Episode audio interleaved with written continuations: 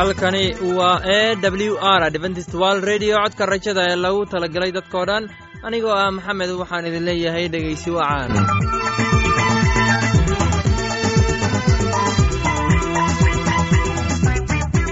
barnaamijyadeena maanta waa laba qaybood. Qaybta koowaad waxaad ku maqli doontaan barnaamijka caafimaadka. Uu inoo soo jeedin doono shiina. Kadib waxaa inoo raacaya cashar inaga imanaya bugga nolosha. Uu inoo soo jeedinaya sulayman labadaasii barnaamij ee xiisaha leh waxa inoo dheeraysa daabacsan. Oo aynu idiin soo xulnay kuwaas aynu filayno inaad ka heli doontaan. Dhegeystayaasheenna qiimaha iyo khadradda lehow waxaynu kaa codsanaynaa inaad barnaamijkeenna si aboon u dhegeysataan. Haddii aad wax su'aalaha qabto ama aad haysid wax talo ama tusaale fadlan inala soo xiriir dib ayaynu kaaga sheegi doonaa ciwaankeenna. Bal intaynan u guudagalin barnaamijyadeena xiisaha leh waxaad marka hore ku soo dhowaataan heestan daabacsan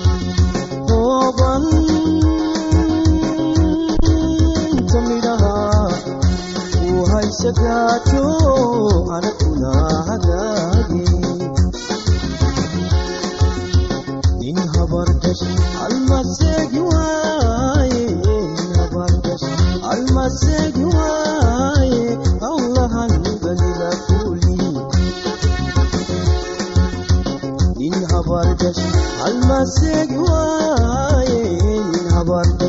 almasegi waay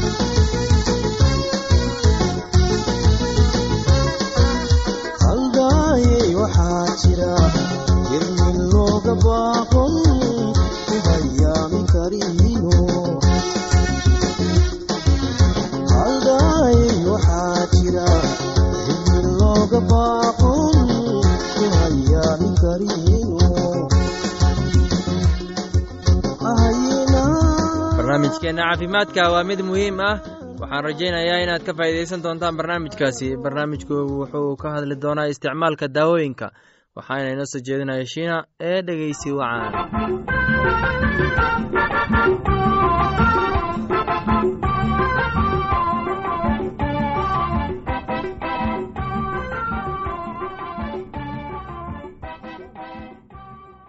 balaayooyinka imaanaya.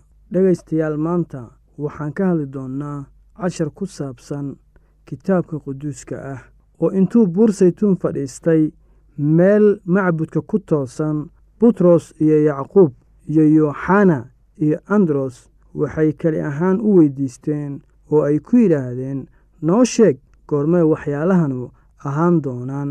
Calaamaddu maxay ahaan doontaa? Goortee bay waxyaalahanu dhammaan u dhowaan doonaan ciise baa u jawaabay oo bilaabay inuu ku yidhaahdo iska eega yaan laydin khiyaanayn.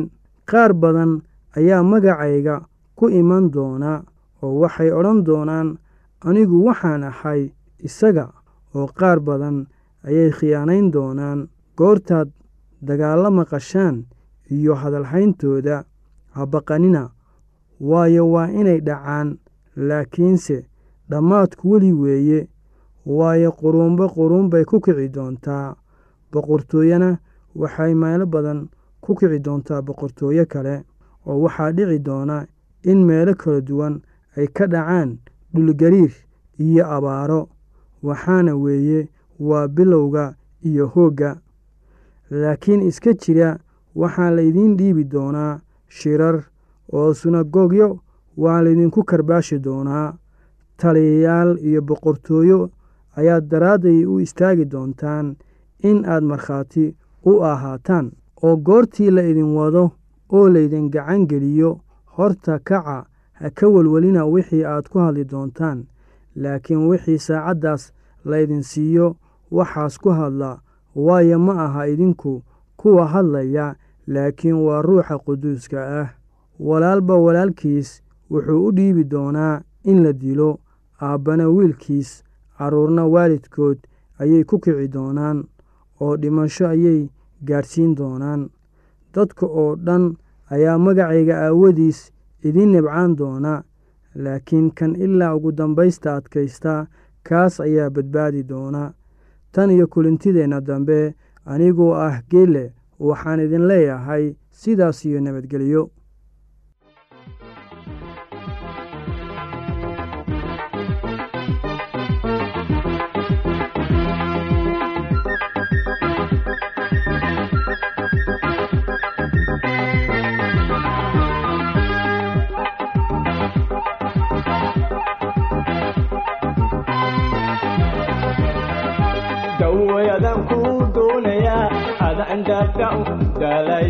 dawoyadaan ku doonayaa adan dartaw daalaya digay adaysilo oo wanaageeni dumiyay ku daalini.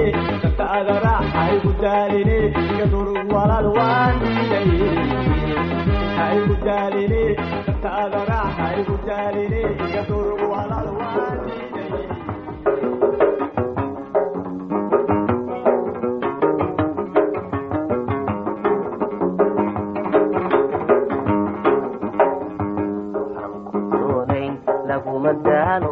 hadlahay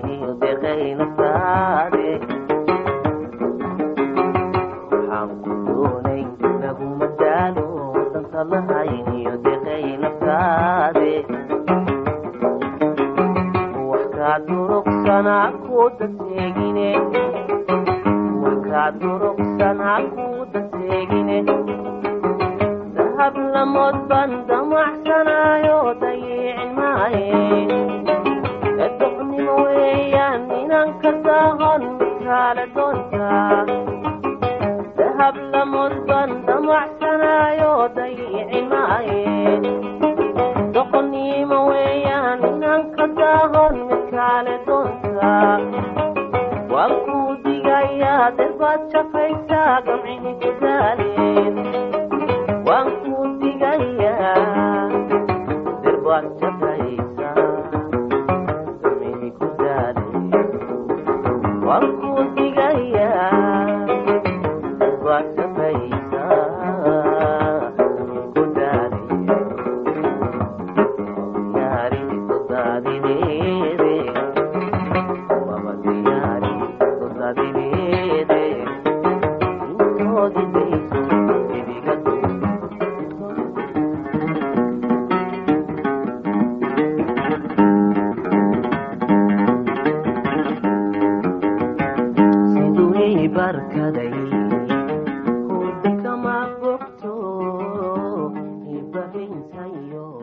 filayaa inaad si aboon dhegaysateen casharkaasi. Haddaba haddii aad qabto wax su'aal ah oo ku saabsan barnaamijka caafimaadka fadlan inala soo xiriir. Ciwaankeenna waa codka rajada sanduuqa boostada afar laba laba todoba lix nairobi kenya. Mar labaad ciwaankeenna waa codka rajada sanduuqa boostada afar laba laba todoba lix nairobi kenya. Waxaa kaloo inagala soo xiriiri kartaan emeilka somali e w r at yahu dt com. Mar labaad emeilka waa somali e w r at yahu dt com haddana waxaad mar kale ku soo dhowaataan heestan daabacsan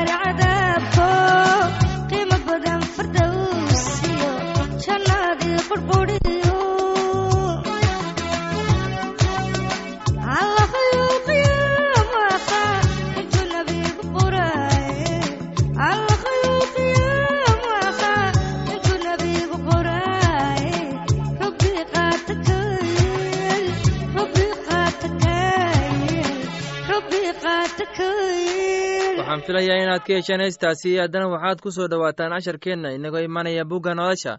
Casharkeenna wuxuu ku saabsan yahay gabaygii daa'uud uu tiriyey waxaana inoo soo jeedinayaa sulaymaan ee dhegeysi wacan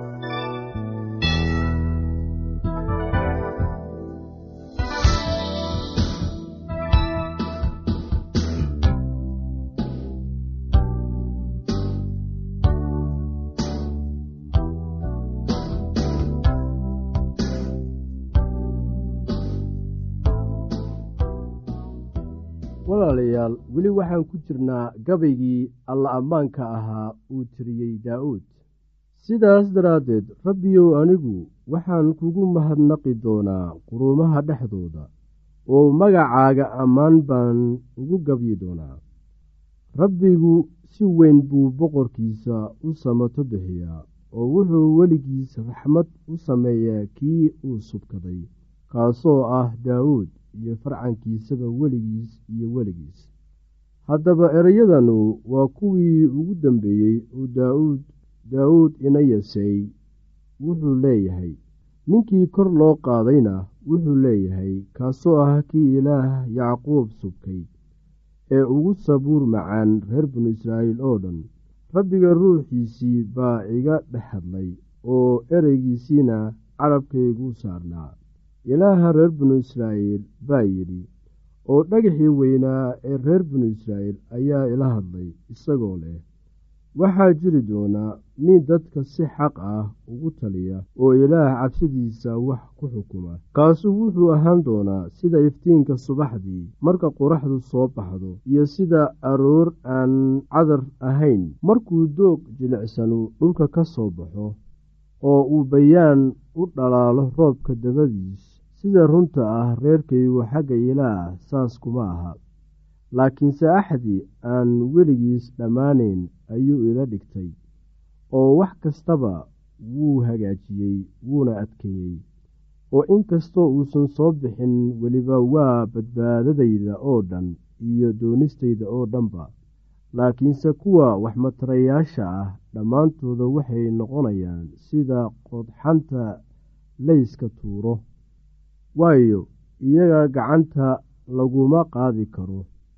Laakiinse ninkii iyaga taabta waa in hub looga dhigaa bir iyo waran samaydiisa oo iyana dhammaantood meeshooda lagu gubi doonaa. Kuwanu waa magacyadii nimankii xoogga badnaa oo daawuud haystay iyo shebashebed oo ahaa reer texkomon oo saraakiisha madaxa u ahaa kaasoo ahaa cadiino kii reer cesen oo warankiisa u qaaday siddeedda boqol oo isku mar qura dilay oo kaas dabadiisna waxaa jiray elicaasaar inadooday oo ahaa reer axo axax kaasu wuxuu ahaa saddexdii nin oo daa'uud la jirtay midkood.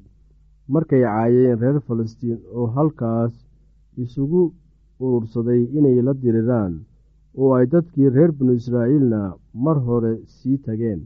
Wuu kacay oo laayay reer falastiin ilaa ay gacantii daashay oo gacantii seeftii ku dhegtay oo rabbiguna maalintaas aad buu u guuleeyey markaasaa dadkiina u soo noqdeen inay wax dhacaan oo keliya oo isaga dabadiisna waxaa jiray shaamaah oo ahaa ina-age oo qoladiisuna ahayd reer xaraari oo reer falastiina waxay isu soo wada uursadeen inay soo dhacaan meel misir ka buuxo oo dadkiina waxay ka carareen reer falastiin.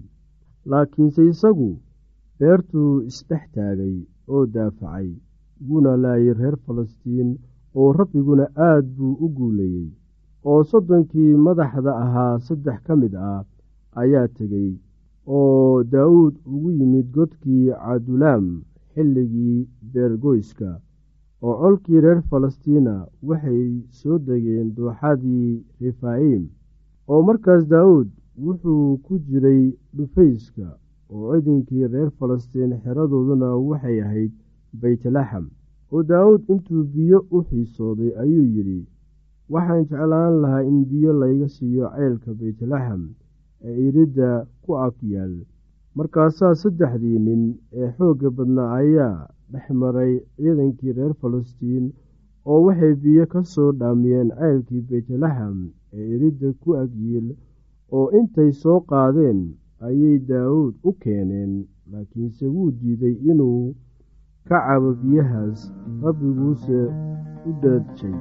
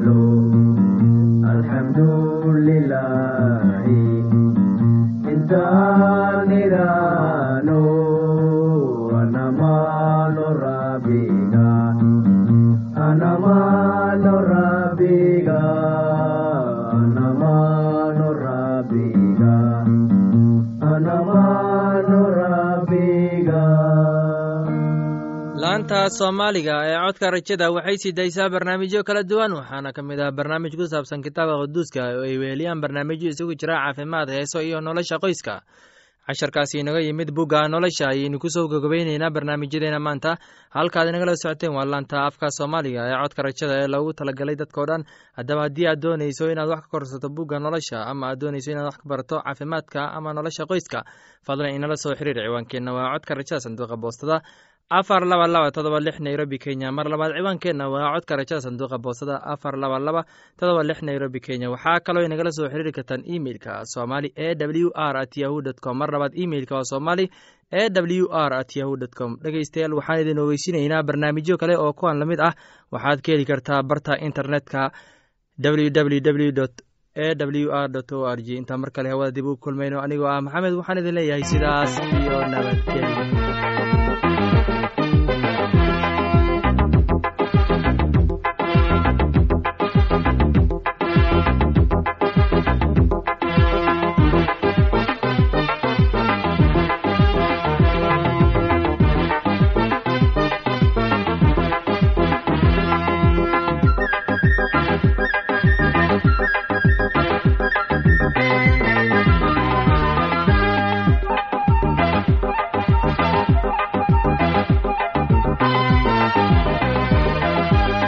dawoy adaan ku doonaya adaan daartaan galaya dawoy adaan ku doonaya adaan daartaan galaya aday tilo dalayga dhigay aday tilo wanaageeni dumiye gudaaline kanta ada raaxay gudaaline kadurugu walaal waan diiday ay gudaaline kanta ada raaxay gudaaline kadurugu walaal waan diiday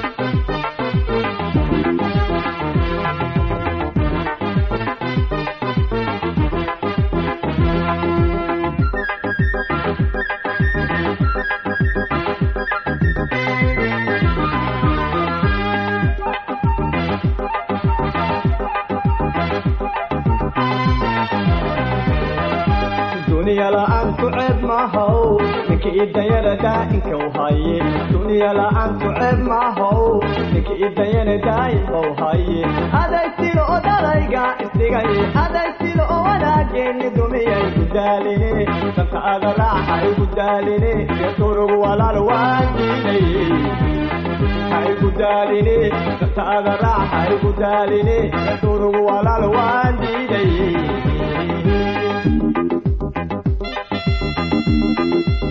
dawayadan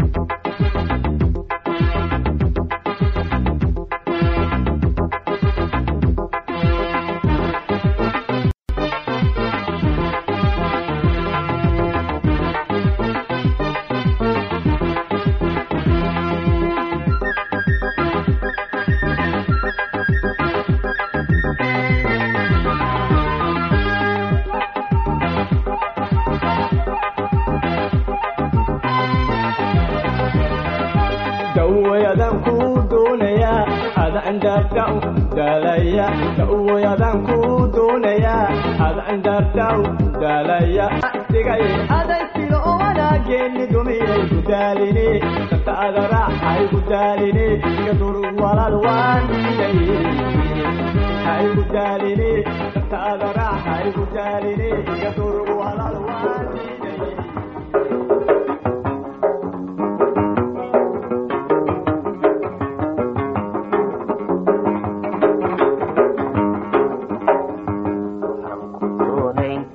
laguma daalo dantaad lahayniyo